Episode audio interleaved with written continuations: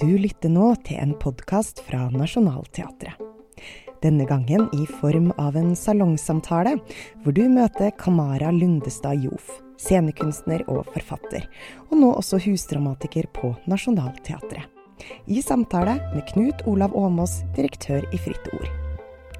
Salongsamtalen tar utgangspunkt i Lundestad Jofs nye stykke 'De må føde oss eller pule oss for å elske oss'.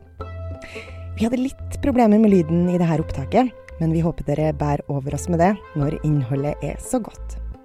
God fornøyelse.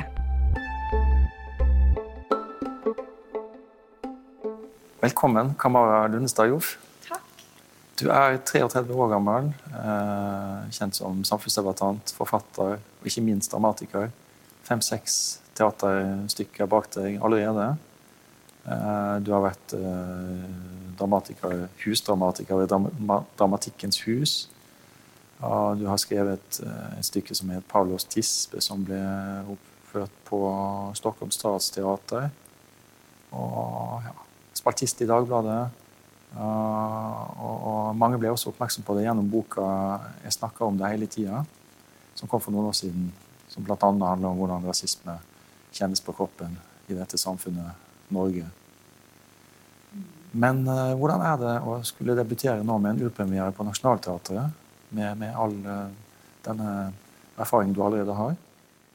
Oh, det er mye pomp og prakt, holdt på å si. Mer enn i Dramatikkens hus? Mer enn på Dramatikkens hus, ja. Helt klart. Det er jo Nationaltheatret. Ja. Det ligger jo i navnet. Det er veldig Det er helt bananas. Det er veldig skummelt og veldig sånn ærefullt. Ja, ja, det er jo så utrolig mange som har gått på å si, den veien før igjen. Så man blir jo Man føler seg jo kanskje litt ung, litt liten, mm. men også ja, veldig glad, gira. Ja, ja. Man får lov til å være det òg, ikke sant? Ikke ja, bare redd. Ja. Absolutt. Og du har kontoret her i huset, selve hovedbygningen, eller? Akkurat nå så skal den pusses opp og ikke pusses opp. Men jeg driver og sniker rundt og leter etter skriveplasser nå som det endelig er åpent igjen etter korona. Mm. Det gjør jeg. Vi er jo blitt vant til hjemmekontor, alle sammen. Ja. Det har vi. Men, eh, men eh, det nye stykket ditt på Nationaltheatret det skal settes opp på Torshov-teatret. Ja. Og det har tittelen eh, de må føde oss eller pule oss for å elske oss. Yeah. En, eh, en sterk tittel. Hva tenker du om den? Hvorfor har du valgt den? Nei, Jeg må si jeg ble ganske overrasket over at markedsavdelingen gikk med på den så fort som de gjorde. Ja. Um, det er jo en tittel som um, går litt hardt ut, kan man kanskje si. Um, men det hadde jeg kanskje et, et behov for å gjøre. Mm. Uh, men det er jo en, en tittel som prøver å pirke i dette i det veldig sånn ubehaget Det ubehagelige, det intime mm. Eh, fra minoritetsposisjonen. Ja. og som jeg tror kan liksom kartlegges til ulike minoritetsposisjoner, som prøver å pirke dette med å ha en Det at den reisen folk har til å si, til antirasisme eller til det å stå opp for skeive rettigheter eller Eh, det å forstå på en måte utsatte kropper eller utsatte posisjoner ofte har liksom en, en reise innom kroppen til den som eh, det går ut over. det å ha en Jeg vet ikke. Mine besteforeldre er f.eks. de er antirasister til beinet. Mm. og det ble de jo også til dels fordi de fikk brune barnebarn. og i begynnelsen så var det jo denne, dette sjokket over at at deres barnebarn ble behandlet annerledes enn andre barnebarn. Og hvordan våger noen å behandle mitt barnebarn på den måten? Mm. Til hvordan våger noen å behandle noen på den måten? Til oi, det er noe i denne verden vi må ta tak i. Og det er liksom en erfaring man også har i, som jeg har hatt i intime relasjoner. Når du har en hvit partner som Hvordan våger noen å behandle min kjæreste på den måten? Til hvordan kan noen bli behandlet? Altså den reisen da, som kan være Som er utrolig vakker og som er veldig nødvendig, men som noen ganger kan kjennes litt klebrig ved at den er liksom innom kroppen din før den skal ut i verden. Og den, den sårbarheten, den, det, det, politiske i det intime, det er det jeg hadde lyst til å pirke på. Ja, det politiske i det intime. Ja. Og du brukte uttrykket 'ta tak i' og om besteforeldrene dine. Betyr det at man ikke er antirasist bare fordi man ikke er rasist? Hva vil det si å være antirasist? Jeg vil si at det er jo håper å si, en aktiv holdning, mer enn det å ikke være rasist kan være mer en passiv holdning. Det at man prøver liksom å unngå å gjøre noe feil, mer enn at man aktivt prøver å gjøre noe riktig. Eh, og det er jo kanskje det liksom, som ligger i ordet aktivisme, da, at man faktisk aktivt gjør noe. Men, eh, men jeg tror at det ligger en distinksjon der. Og så er den litt sånn flytende, og den er flytende for meg også. Noen ganger lurer jeg på på en måte, er jeg, er jeg er også bare ikke rasist. Eh, men, eh, men, ja, eh, det å eh, det å bli var på strukturer eller samfunnet rundt seg, og det å ha lyst til å gjøre noe med dem, er på en måte to forskjellige ting, tenker jeg. Ja, ja. Men, men, eh, for deg det må være krevende å være så var hele tida? At det er et tema hele tida? For det er det vel? Er det ikke det? Du opplever ganske mye? Man blir litt smågæren. Ja. Eh, og så er man jo alltid redd for å være paranoid. Ja. Si, eller når man kjenner på en frykt, eller eh, Man blir jo ofte Det er jo ikke akkurat eh, Man bobler jo ikke alltid over med entusiasme eh, når man, man gjør si, dypdykk i i rasisme. Og spesielt da jeg som skriver såpass tett på min egen biografi, at det ofte handler også om å sitte og liksom pirke i gamle traumer som kan ende opp med å retraumatisere deg på en eller annen måte. Så jeg har veldig strenge regler for meg selv på hvordan jeg jobber eh, med tematikken. Men eh, nei. Men du går, jo, du går, jo, rett inn i det også, da, i, i artiklene dine i offentligheten og i boka og nå i dramatikken også. Mm. Altså, du går jo inn i dette som tema, da, så du, du ber jo om det. Ja. du ber iallfall om oppmerksomhet omkring temaet. Ja, det gjør jeg. Og det, det, det, koster. Eh, man blir jo også redd for at altså Jeg prøver alltid å skille på, på en måte, Når jeg skriver noe som jeg slipper ut i offentligheten, så er det to ting som er veldig viktige for meg. Er, den ene er det at jeg har aldri skrevet om måte, et traume eller en tematikk uten å ha bearbeidet det hos psykolog først. Det er jeg sånn veldig nøye på å være veldig åpen om. At uh, kunsten min er ikke terapien min, publikummet mitt er ikke terapeuten min. Jeg har en terapeut som jeg snakker med ting og bearbeider ting gjennom, og så setter jeg meg ned og så skriver jeg om det. Og det tror jeg denne ideen om at man skal lide, lide unødig i kunsten og bare liksom drive og blø ut til offentligheten, det, jeg, jeg, tror ikke helt på det. At det narrativet er nødvendig for å lage noe godt. Og så er det det for meg også å skille Og det er også det jeg bruker mye tid på å skille, fordi jeg blir jo ofte litt redd for offentligheten. Jeg kan bli liksom redd for å uh, snakke høyt eller um, sette ting på trykk. Og da prøver jeg alltid på en måte å skille er dette, er dette liksom en reell frykt, eller er det en konstruert frykt? Er dette paranoia, eller er det på en måte legitimt? Og det hjelper det jo for meg å snakke grundig gjennom, sånn at jeg vet hva jeg gjør når jeg gjør det. Ja, ja, ja. Og når storsamfunnet, som det heter, skal eh, prøve å hjelpe og sette inn tiltak og prøve å endre holdninger i, i det norske samfunnet, så, så, kan man vel eh, bli gjort litt til objekt og offer også, kan man ikke det? Oh, og det er jo ikke du. Du er jo en frihetskjemper. Men, men blir sikkert gjort til offer. Ja. Og så er det jo jeg vet ikke, dette Begrepet offerrollen Jeg har på en måte alltid hatt en sånn Jeg syns det er så Det er veldig fascinerende og veldig vanskelig eh, å forholde seg til. Det høres ut som et kostyme man kan ta av og på, håper å si. At man kan eh, velge når man er det og ikke er det. Og så er det jo reelt at i noen situasjoner, i noen hendelser, så er man jo faktisk et offer. Eh, og det er også en erfaring som ikke skal avfeies eller minimeres ved det at eh, det skal være så skambelagt å bruke det ordet, for det kan også brukes som en hersketeknikk. Ja. Men man ønsker jo å være å si, et subjekt og ikke et objekt. Et individ og ikke et case. å si. Mm. Eh, og det, det har jeg brukt mye tid på å prøve å finne ut av hvordan man skriver om og hvordan man snakker om ikke knekt det helt ennå, men jeg tror jeg er på vei. Ja, ja. Men føler du at det, det, du gjør, betyr noe? Endrer det noe? Fører det til noe? Det er jo alltid vanskelig når man bidrar i offentligheten. Hva, hva, hva fører det til? Men eh, ja, hva tenker du? Mm. Eh, jeg har jo lyst til å si ja. ja. Eh, det er derfor man står opp og går på jobb. Å si. Um, det er i hvert fall på et individnivå Eh, så tror jeg altså sånn menneske til menneske så har jeg i hvert fall fått Jeg er en sucker for tilbakemeldinger. Eh, men det å få det å få den e-posten fra den 14 år gamle gutten, eller den Facebook-meldingen fra liksom den 82 år gamle kvinnen da, som har lest noe eh, som du har skrevet, og som har tenkt noe nytt, eller følt seg sett, eller hatt en sånn indre transformasjon, det kan jo ofte gjøre at hele dagen er verdt det. Eller hele arbeidsuka var verdt det pga. den ene e-posten som kom. Um, men så vil man jo Man blir jo utålmodig. Man vil jo ikke bare ett og ett menneske, man vil endre verden. Uh, det, jeg tror det har alltid vært så redd for å bli for tålmodig og for uh, komfortabel med disse små mellommenneskelige endringene. Men alltid altså, er det vel egentlig bare de som betyr noe. Ja. Det er jo individer som må gå ut og ja. være sammen om det. Ja, og dessuten, jeg har en, en, liten egen erfaring for min del. Jeg har skrevet kommentarer i offentligheten i 15-20 år. Mm -hmm. og, og, og, så kan man jo av og til få et inntrykk av at man har greid å påvirke en tenkning eller sette fokus på noe. Men, men, det er jo som du sier, altså det er jo tilbakemeldingene fra enkeltpersoner som betyr noe.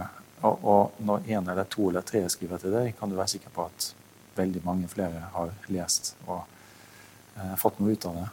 Så ja, Og så er det noen få som tør å si fra. da. Ja, for jeg er veldig dårlig til å gi sånne tilbakemeldinger. Jeg merker jeg leser smarte ting hele tiden, og så tenker jeg ja, shit, det var, oi, nå tenkte jeg noe nytt. Eh, men det er veldig sjelden at jeg setter meg ned og skriver den mm. e-posten. Men jeg tenker ofte at jeg burde bli flinkere til det. Eh, fordi de tilbakemeldingene betyr så enormt mye. da. Ja. Men la oss bevege oss fra sakposene i bok og avis til kunsten med stor K. stor K. Uh, uh, mens vi nærmer oss teaterstykket nå, da. Altså, du har sagt at kunsten er et virkemiddel for deg for politisk endring. Uh, hva mener du med det? Um, altså, jeg Hva mener jeg med det? Det jeg, det jeg mener, er det at jeg tror Jeg tror så utrolig på kunsten med stor K. Det er sin mulighet til å utvide horisontene våre, til å strekke å si, grensene eh, inni oss eh, for hvordan vi ser verden, og hvordan vi opplever verden. Eh, og så har min motivasjon, det som har på en måte drevet meg eh, i min, mine tenår og si, min oppvekst, det er jo altså samfunnsstrukturer og politikk og det å prøve på en måte å gjøre da politisk endring, eller det å eh, være ung og revolusjonær eller ha lyst til å endre tingenes tilstand. Og så fant jeg ut, i hvert fall for min del, at, at det var kunsten som var det riktige mediumet for meg. Da. Det, det er der jeg klarte å, å, få sagt det jeg mener. Men den er helt klart eh, et politisk virkemiddel for meg på, måter, på alle måter, kan man vel si. Det handler jo også om tematikken jeg bearbeider, og hvordan jeg jobber med den, men også det at jeg kanskje er såpass sjangerilojal. Jeg har drevet med billedkunst og installasjon, musikk og litteratur, og også teater. Og at jeg, jeg velger alltid det politiske temaet mitt først, hva jeg har lyst til å jobbe med. Mm. Og så velger jeg sjanger etterpå og finner liksom hvordan kan jeg best få formidla dette. Så det blir jo ja, jeg vet ikke, litt instrumentelt, kanskje. Ja.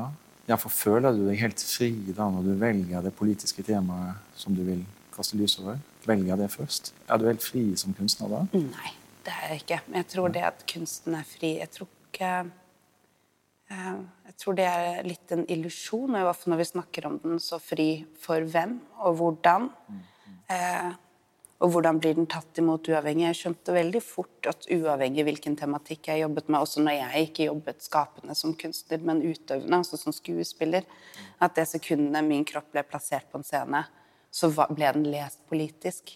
Eh, den ble satt i en kontekst, i et rom, i et lys, som ble lest på en politisk måte. Og da følte jeg på en måte at noe ble Da følte jeg meg ja, veldig ufri, for fordi jeg hadde på en måte ingen kontroll over blikket som skulle lese meg inn i det stykket eller eh, inn i den settingen. men da fikk jeg kanskje også et, et desperat ønske til å ta den Eh, kontrollere det blikket ved i hvert fall da bare eie det politiske i det. Ta, styre den skuta selv, og heller da definere det rommet på egen hånd, istedenfor å bare stå der i noen andres, noen andres rom og bli lest inn som en ja. gjest der.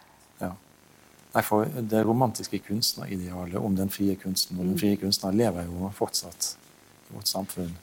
Men, men det virker som om du er ekstra oppmerksom på, i forlengelsen av det altså hvordan kunsten har virkninger og funksjoner. Da. Altså ja. kunsten i samfunnet, så å si. Ja. Jeg tror det er den viktigste byggestenen vi har ja, for et ja. uh, demokrati. Men jeg tror jo også at Altså, jeg prøver jo som Jeg sitter i uh, Kulturrådet og leder, leder opp, uh, faglig utvalg for scenekunst. Og det er viktig å si at jeg sitter jo ikke der inne og leter etter politiske prosjekter. Jeg leter etter gode kunstprosjekter, og noen er politiske, og noen er ikke det. Og det, også, det å være liksom veldig var på at, eh, at jeg tror at kunsten sin liksom essens i samfunnet vårt innebærer at alle de ulike formene, alle de ulike uttrykkene, de apolitiske, det politiske, de estetiske, eh, de stygge At det må være plass til alle sammen da, for å utvide horisontene våre. Men jeg har i hvert fall så langt eh, funnet ut at det, det som har vært nødvendig for meg å jobbe med, også for å kunne lage en plattform som kanskje en dag gjør at man kan være friere, har vært via det, det politiske rommet da, i kunsten. Ja. Hvis det svarte på spørsmålet. Ja, ja. Men det er ikke så lett å forstå hvorfor akkurat kunst, fiksjon, trengs. Altså Virkeligheten er jo sterk nok. Mm. Og det å beskrive virkeligheten, enten det er gjennom musikk eller teater eller litteratur øh, Beskrive, legge fram fakta. Ja, vi har en bølge av litterære sakposer nå. Mm. Og norsk dokumentarfilm har aldri vært mer interessant og hatt høyere kvalitet. Så, så, det kan være litt vanskelig å skjønne hva kunsten da, her på en scene da, tilfører i tillegg. Hva, hva, er det, hva er det et, et uh, skuespill, en teaterforestilling, kan gjøre som, som andre uttrykksformer ikke kan? Der i en sal. Det som gjør at jeg kommer tilbake og tilbake til teatret, uavhengig av hvilke andre sjangre jeg jobber i, er for, eh, er for, min del at jeg syns at teatret er på en måte det kollektivet som oppstår i teatret. Det at man møter et uttrykk, og det kan nesten være hvilket som helst uttrykk, altså. men det at man møter det sammen i en sal. Eh, det at man kjenner kroppene til de som sitter ved siden av hverandre, og liksom merker pusten til den som er på scenen. Eh, nå høres jeg ut som jeg er voldsomt romantisk til teatret, men vet du hva, det er jeg. Jeg er voldsomt romantisk til teatret. Mm. At det kollektivet som skjer i de rommene, i disse felles kunstopplevelsene, Eh, det tror jeg du ikke får noen andre steder enn i teatret. Og det tror jeg kan endre deg på et cellenivå. Eh, men, eh, men fiksjonen Må det være fiksjon, må det ikke være fiksjon? Nei. Altså, jeg elsker litterær sakprosa, jeg elsker dokumentar. Jeg leser det masse, ser det masse, men hvis jeg vil å si, endre hodet mitt, prøve å tenke litt, da går jeg hjem og leser sci-fi. Da prøver jeg å lese om noe helt annet. Og så er det selvfølgelig metaforer og verdensbygninger og sånn som man kan trekke paralleller til vår tid i. Men det å lese noe som er helt fremmed for meg, noe som noen ganger kan være så fremmed at det er en biografi av noen andre som lever et liv som ikke ligner mitt, men det å lese en verden, en følelse, som er helt ulikt noe annet. Noe jeg ikke kunne tenkt meg til selv, eller opplevd meg til selv. Det er vel det som gjør at vi vi trenger kunsten for å bli eh, bredere mennesker. Kanskje ikke bedre mennesker, det er ikke sikkert at kunsten gjør oss til bedre mennesker, men gjør oss i hvert fall til litt bredere, tenker jeg. Mm, ja. Nei, og jeg er enig med deg. Altså, jeg vil jo si at ingenting er så, så intetsigende som kjedelig teater. Mm. Men det er få ting som er så fantastiske som teater når det virkelig fungerer. Som mm. eksempel uh, den store Hamlet-oppsetningen her på Nationaltheatret nå, som er mm. noe av det sterkeste jeg har sett på en norsk scene på, ja, på ti år. Oh, wow. Ja, virkelig uh, oppsiktsvekkende. Mm. Og jeg gleder meg til uh, urpremieren på ditt uh, stykke. da. De må føde oss eller pule oss for å elske oss. Ja, jeg vet ikke om det blir det kuleste å ha sett på ti år, men kanskje det kan bli det kuleste å ha sett siden Hamlet. Det blir det i alle fall. Men hvordan har det vært å skrive skuespill? Akkurat skrive dramatisk tekst sammenlignet med alt du ellers skriver? Å jobbe med teksten, tenker jeg. Og skulle levere til en dramaturg og en regissør og skuespillere. Jeg tror at i hvert fall i den runden her så har det jo vært altså, mange ulike faktorer fra det jeg har gjort tidligere. Um, som har gjort dette mye skumlere. En ting er at man vet at man skriver for Nationaltheatret. Og hva betyr egentlig det, å skrive for Nationaltheatret? Det er en sånn det, det, det kan man fort drukne i når man sitter og Ofte så bare hamrer jeg løs på det tastaturet, så går jeg gjennom det etterpå. Men når jeg skulle begynne å skrive dette verket her i januar i år, så satt jeg med en sånn, skrevensetning setning det er en god setning, men er den god nok for Nationaltheatret? Nei, det er den ikke. Vekk med altså ble, altså, det, det, tok litt tid før jeg liksom turte å skrive eh, til Eh, til dette huset. Men, eh, Men jeg tror også at i stykker jeg skrevet, jeg spesielt skrevet flere teaterstykker i Danmark, eller også Pavlos Tispe, som har hatt så utrolig klare eh, målgrupper. Eh, på en måte at et stykke som jeg skrev som het altså Queens, som var skrevet for kvinner med minoritetsbakgrunn i nordvestlig Nørrebro bydel for et teater som skulle reise rundt på kafeene i det området. Og jeg var rundt og intervjuet og snakket med. Altså, hva er det dere trenger? Hva, hva, savner dere? Hvordan har dere ikke blitt speilet? på altså, Det å være så eh, i kontakt med det potensielle publikummet, det å vite hvem man skriver for. Og her så har jeg på en måte ikke hatt noen annen. Så Jeg har ikke hatt de føringene heller, som jeg ofte har gitt meg selv i andre prosjekter. Eh, et sluttresultat. Pavlos Tispe, videregående-elever 16-19, skal si noe om utenforskap, skeiv identitet, feminisme, rasisme. Hvordan? Eh, mens nå har jeg på en måte vært fri da, i en annen forstand. Og det håndterte jeg ikke kjempegodt, må jeg innrømme. Det da gikk jeg ned som en sånn liten angstsnøball i begynnelsen, eh, med å vite at det å kunne skrive i teorien akkurat hva man ville, var enda skumlere, syntes jeg. Selv om tematikken selvfølgelig for meg var viktig ut ifra hva har man lyst til å si på dette huset. Hva, vil, hva vil man bruke denne plattformen, dette huset, til? Og det kjentes ut som at mulighetene var nesten uendelige, og det, det var, var røft. Ja, for Hva vil det si å være husdramatiker her på Nationaltheatret? Altså du er fast ansatt på full lønn i noen år og kan gjøre hva du vil? Ja, er, eh, det, altså, det, har vært veldig annerledes fra husdramatiker til husdramatiker. Det å ha hatt en, eh, en, rekke før meg. Det har på en måte vært litt opp til også den enkelte dramatiker og teater om hvor mye man går inn i teatret. Men jeg liker å være veldig hands on, så jeg ba om altså det tilsvarende som Statens kunstnerstipend mens jeg er her. Og så skal jeg levere to stykker eh, på to år. Og så er jeg inne i møter med dramaturgiatet og møter med å snakke repertoar på huset, og er veldig opptatt av å si, organisasjonsstruktur, mangfold. Jeg sitter i noen ledergruppeutvalg og ser på, på måte, hvordan huset henger sammen, og eh, om det henger med i tida. Ja, ja. ja. Men du har tilbrakt mange timer nå eh, og fulgt prøvene ja. som har foregått på Torshov teater. Det har jeg. Ja, I den sirkelrunde salen. Hvordan, ja, hvordan går det? Hvordan ser det ut? Det er så fint. Ja. Det er så fint. Man, man, får lov til å si det. Det er så fint. Altså, det er en så uh, dedikert gjeng der oppe. Uh, de er veldig modige, og de er veldig uh, ærlige i møte med teksten. Det har vært masse diskusjoner. Man er tydelig hvis man på en måte Og nå er jo altså skuespillerne Seda, Selome og Evelyn de har jo i liksom ulike variasjoner også kjent på mye av denne problematikken og tematikken som, eh, som jeg skriver om på sine egne kropper. Men de skal jo slippe å bli redusert til det på scenen. Eh, de er skuespillere, de er kunstnere, og de kommer med utrolig mange liksom, sin kunstfaglige bakgrunner som er veldig forskjellige fra de tre, og, og løfter dette materialet på et helt nytt nivå, syns jeg. Men de klarer også å stille utfordrende spørsmål, være kritiske etter hvordan det blir sett, hvordan det blir lest. hvordan det blir tatt imot. Så det har vært en veldig organisk prosess altså mellom deg og regissør og skuespillerne, der teksten har forandret seg hele tida? Ja, den har vært kontinuerlig. Nå skrev jo jeg at jeg ga den regissøren en eh, Ole Johan Skjelbred en litt sånn overveldende oppgave, for jeg skrev jo rundt 30 000 ord i litt sånn fullstendig eh, harmonisk kaos. Eh, og et eh, teaterstykke på halvannen time er på 12 000 ord.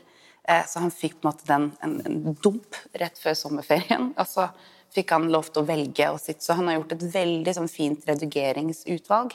Og så har jeg kommet inn igjen og så har jeg vært sånn Hvordan våger du å stryke den teksten på mitt liv? Inshallah. Eh, men... Dette syns jeg høres lovende ut. fordi ja. Hamlet her på teatret ble så bra fordi regissøren hadde strøket to tredjedeler. Jeg hadde strøket så mye. Eh, men veldig fine strykninger. Eh, og gjorde materialet Hamlet for meg mye mer tilgjengelig på en måte som jeg ikke opplevde før. Eh, så det, ja, så det, har vært en organisk prosess. Har, og så har vi skrevet nytt når man har sett at noe, noe, manglet, når noe ble tatt ut. Men det kunne sies bedre med litt tid. Ja. Men Nationaltheatret presenterer dette stykket ditt nå på følgende måte. La meg bare lese denne lille eh, teksten. Tre kvinner snakker, diskuterer, krangler og hopper inn og ut av situasjoner karakterer og problemstillinger. De ser ulike på verden, men verdens blikk på dem oppleves ofte begrensende. Sceneteksten er en ordstrøm av humor, treffende formuleringer, sårbarhet, sinne og intensitet. Det handler om rasisme og seksualitet, lengsler og polarisering, og det evige ansvaret for andres blikk på en selv. Er du alltid pliktig til å stå opp for saken din? Må raseriet ditt alltid være banebrytende og konstruktivt? Eller kan du tillate deg å bare være krenka? Er dette, det er dette vi får? Du har lest det, ikke sant? Er det det de får? Ja, ja jeg tror det. Ja. Det er mye raseri. Jeg tenker på to ord når jeg leser eh, manuset ditt. Altså, jeg vet ikke om det er klokt tenkt, men tenker jeg reflektert aggressivitet. Altså aggresjon og refleksjon. Og da berettiget aggresjon og legitim refleksjon.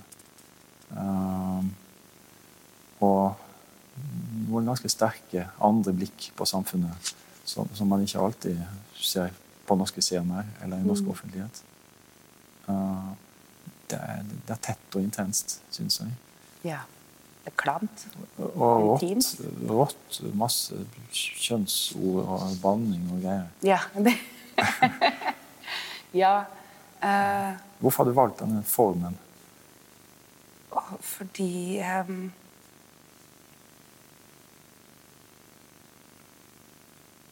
Delvis fordi uh, jeg har jobba uh, i alle mine andre stykker, som jeg også har problematisert, bl.a. i boka. Jeg snakker om det hele tida. Behovet for pedagogen. Det å snakke pedagogisk. Det å fortelle en historie på riktig måte, sånn at noen kan forstå på, uten å føle seg angrepet, uten å føle seg krenket av at du er krenket. Altså denne utvinnelige runddansen man gjør for å få en konstruktiv dialog som jeg tror på. Jeg tror på den konstruktive dialogen, men den kan være så utmattende. Eh, den kan være så selvutslettende eh, at jeg hadde et sterkt behov for å skrive noe hvor jeg erklærte pedagogen død. Eller i hvert fall gikk det angrep på den. Eh, på henne. For det er jo, det er jo et korverk. Eh, I stor grad det er jo sånn polyfonisk korverk hvor det er liksom tre stemmer som snakker på vegne av et jeg.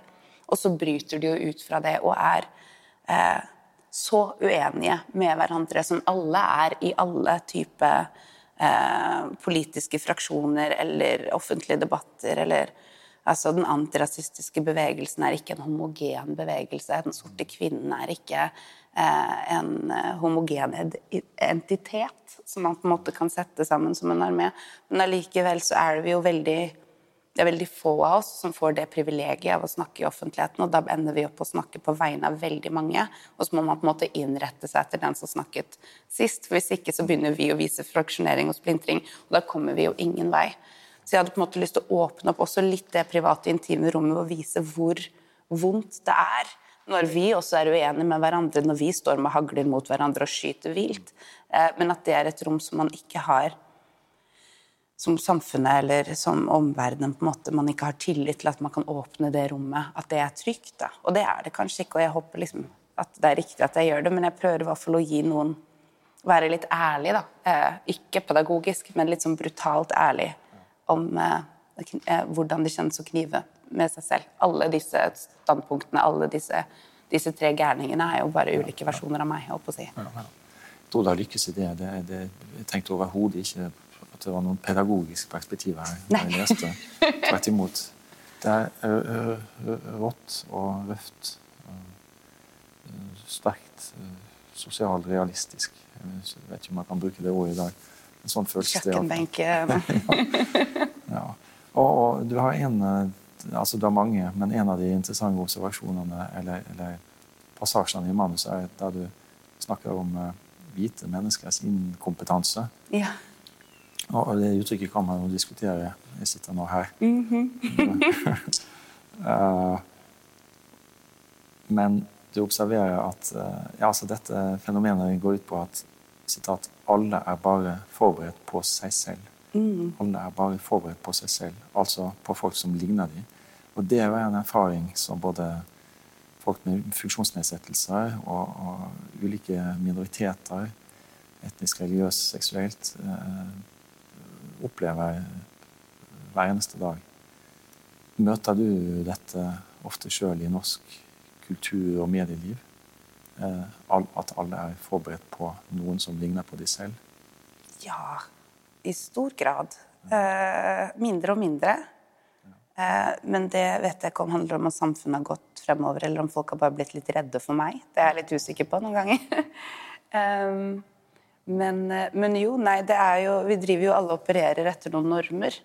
Eh, og det ser man jo på hvis man bare snakker om, som jeg også snakker om i stykket, da, altså dette med å operere i offentligheten, med det å møte opp på et sett og vite at ingen har Ingen har en foundation som ligner din foundation. Ingen kan sette opp håret ditt, for du vet ikke hva de gjør med krøller, så de ber deg sette det bort. Altså eh, Alle disse eh, normene eh, som de fleste profesjonelle rammer er eh, satt i. Eh, og det sekundet du bryter litt med den normen, så blir det ditt ansvar å på en måte skulle utvide den, eller opplære de som ikke forstår det, eller bare ta med din egen sminke og alltid gjøre den sminka sjæl. Eh, og nå er ikke akkurat sminke det største eksempelet i verden, men i disse, eh, disse små ekstraarbeidene som tar på en måte i møte med en sminkør eller møte med et, eh, en stab som tar og gir dem en belastning på kanskje 15-20 minutter. Dette tok 15-20 minutter lengre fordi vi var ikke forberedt på at den lyset kom til å se sånn ut. eller eh, green screen kom til å påvirke håret ditt på den måten. De 15-20 minuttene for dem den dagen er liksom 10 minutter, 5 minutter, 10 minutter, 15 minutter, en halvtime hver dag da, for veldig mange eh, som skal navigere eh, eh, kroppene sine. Eh, og den tida, den tida den koster, den får man lyst til å sende etter faktura for. Eh, så inkompetanse, ja, eller blindhet. Ja, ja. Eh, jeg tror hvite folk bare er sånn vet ikke, det er 10-15% av verdens befolkning. Eh, men allikevel så er det på en måte noen ting som Det er forståelig også, vi er jo i Norge. Men Norge ser ikke ut som det en gang gjorde. Eh, mm. Gudskjelov. Nei. Eh, Nei, det gjør det ikke. Mm. Men likevel, man har snakka om mangfold og prøvd å gjøre noe med norsk kultur og medieliv i en del tiår. og, og en del har skjedd. En del fint har skjedd i norsk teater i så måte. Men, men um, norsk uh, kulturliv er ofte for usual suspects. Altså, det når de som det alltid har nådd. Ja. Uh, går det, ikke, det, går ganske tregt uh, i, i, disse symbolproduserende bransjene? Ja, det gjør det. Og det tror jeg handler om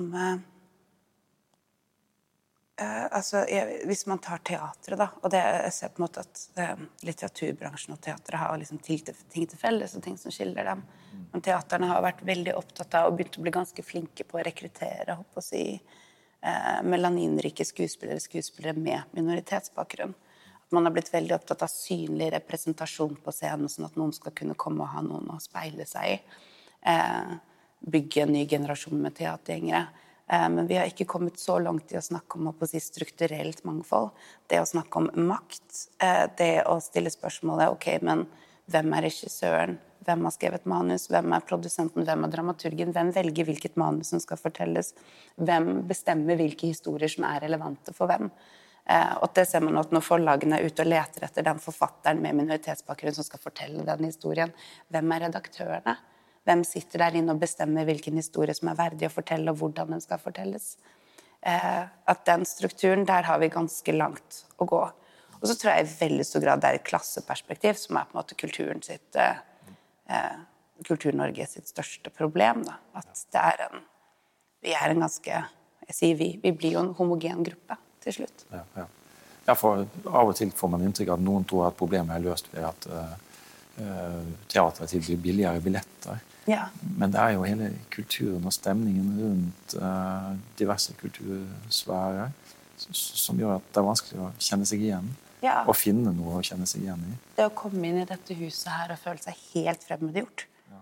og føle seg ukomfortabel og uvelkommen, uh, det er jo utrolig sørgelig. For det som er så fantastisk med norsk kulturliv, er jo at det er statlig. At vi alle eier det. At vi alle betaler for det. Men det er ikke alle som føler seg velkomne i det. Og det er et, eh, det er et demokratisk problem. Eh, og det er vi nødt til å ta tak i, og det tror jeg i veldig stor grad handler om altså klassekultur. også. Ja.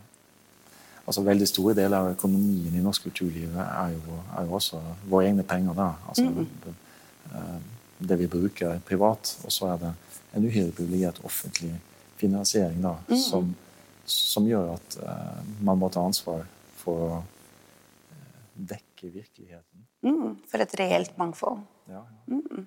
Det har blitt et litt sånn hult ord ja, som man bare slenger rundt. Men jeg tror virkelig på det, og jeg tror virkelig at det er mulig.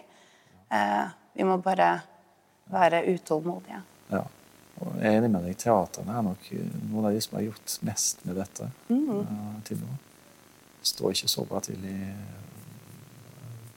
norske avisredaksjoner, f.eks. Det gjør det ikke. Eller i norsk Altså den, den sånn seriøse i hermetegn delen av norsk musikkliv. Altså mm. klassisk musikk og samtidsmusikk. Nei, det gjør det ikke. Men, men um, hvis vi ser litt bredere på det, kultur og underholdning, så har man kanskje kommet lengst i de mest kommersielle delene. Altså den, altså den kommersielle musikken og, og kommersielt TV. Mm. For der har man der, der, har man skjønt at hvis man skal kunne holde på med noe her, så må man uh, skjønne markedet. Ja, ja, og det er jo det som alle blir så overraska over hele tiden, når det kommer en eller annen fyr fra næringslivet som holder et foredrag som er sånn mangfoldsselger. Man tjener veldig mye penger på det. Man taper veldig mye penger på å ikke være tidsrelevant, fordi du spiller deg ut fra ditt eget marked. Eh, og til slutt så dør du. Eh, og det er jo litt det som jeg ofte tenker på at det er Altså, det er jo en kjempesorg hvis flesteparten av ungdommene i Oslo ikke føler seg velkomne inne på det huset her.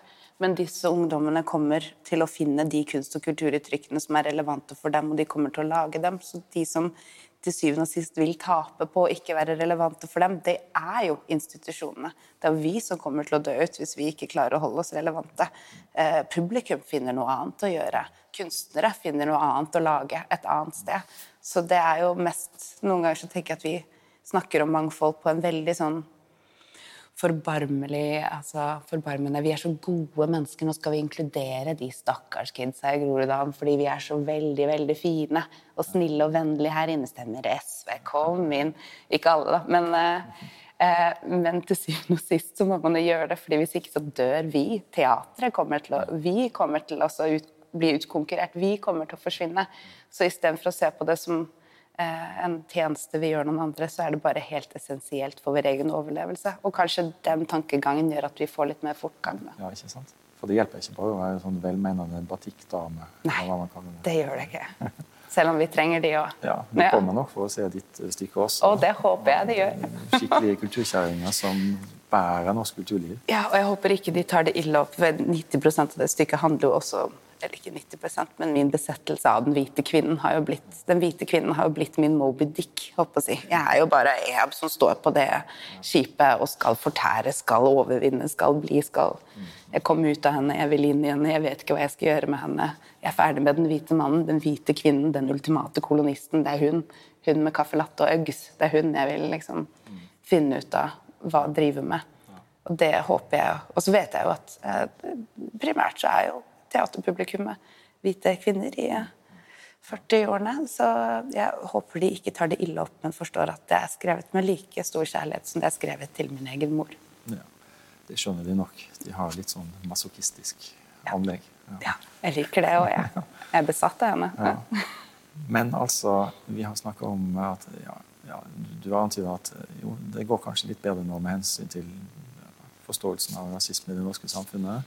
Også ja, kanskje skyldes det at uh, det faktisk har skjedd noen større endringer i kultur- og medieliv. Og så sa du for det andre at Eller kanskje det bare er flere som er redd for sånne mm. som deg. Og det er interessant. Da er vi på individ- og mikroplan. Mm -hmm. Og jeg tenker på det jeg siterte i sted om dette det evige ansvaret for andres blikk på en selv. Mm. Det, ganske, det, må være ganske tungt. Uh,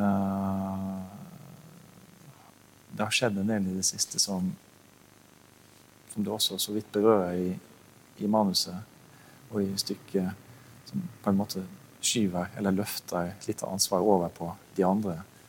Um, det må være ganske viktig.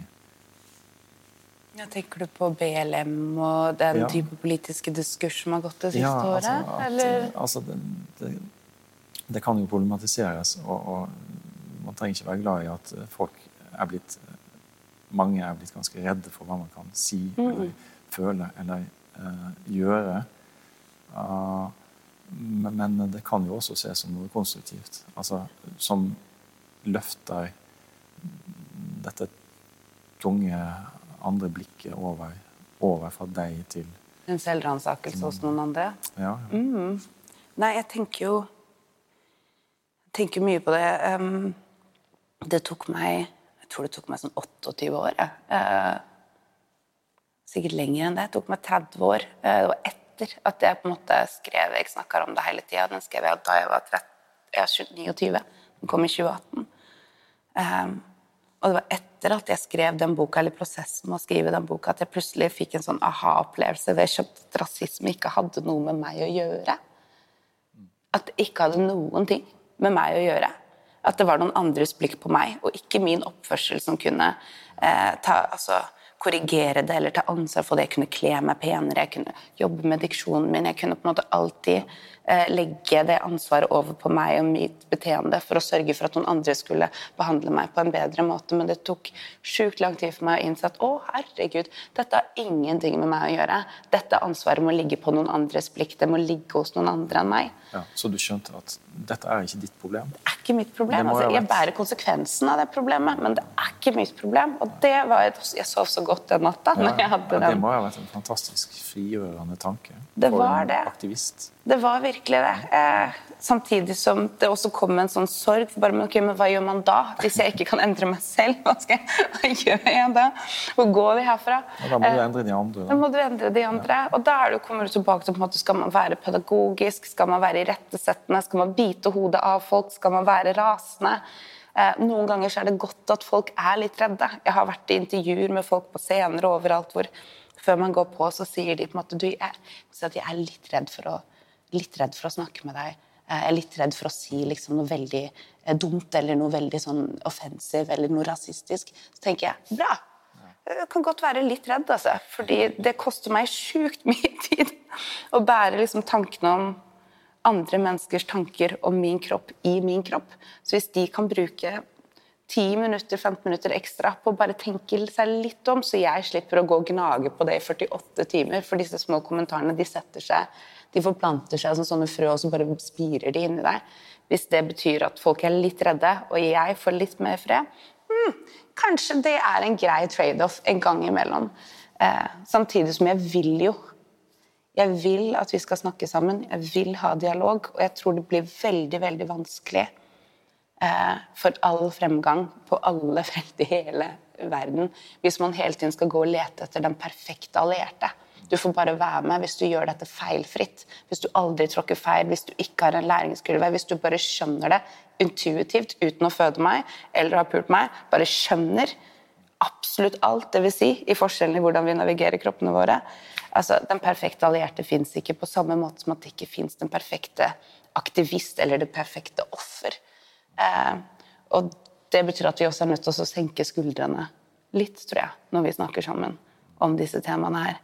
Samtidig som at jeg vil at folk skal være litt redde for meg. Jeg hører hva jeg sier her, men jeg står for det.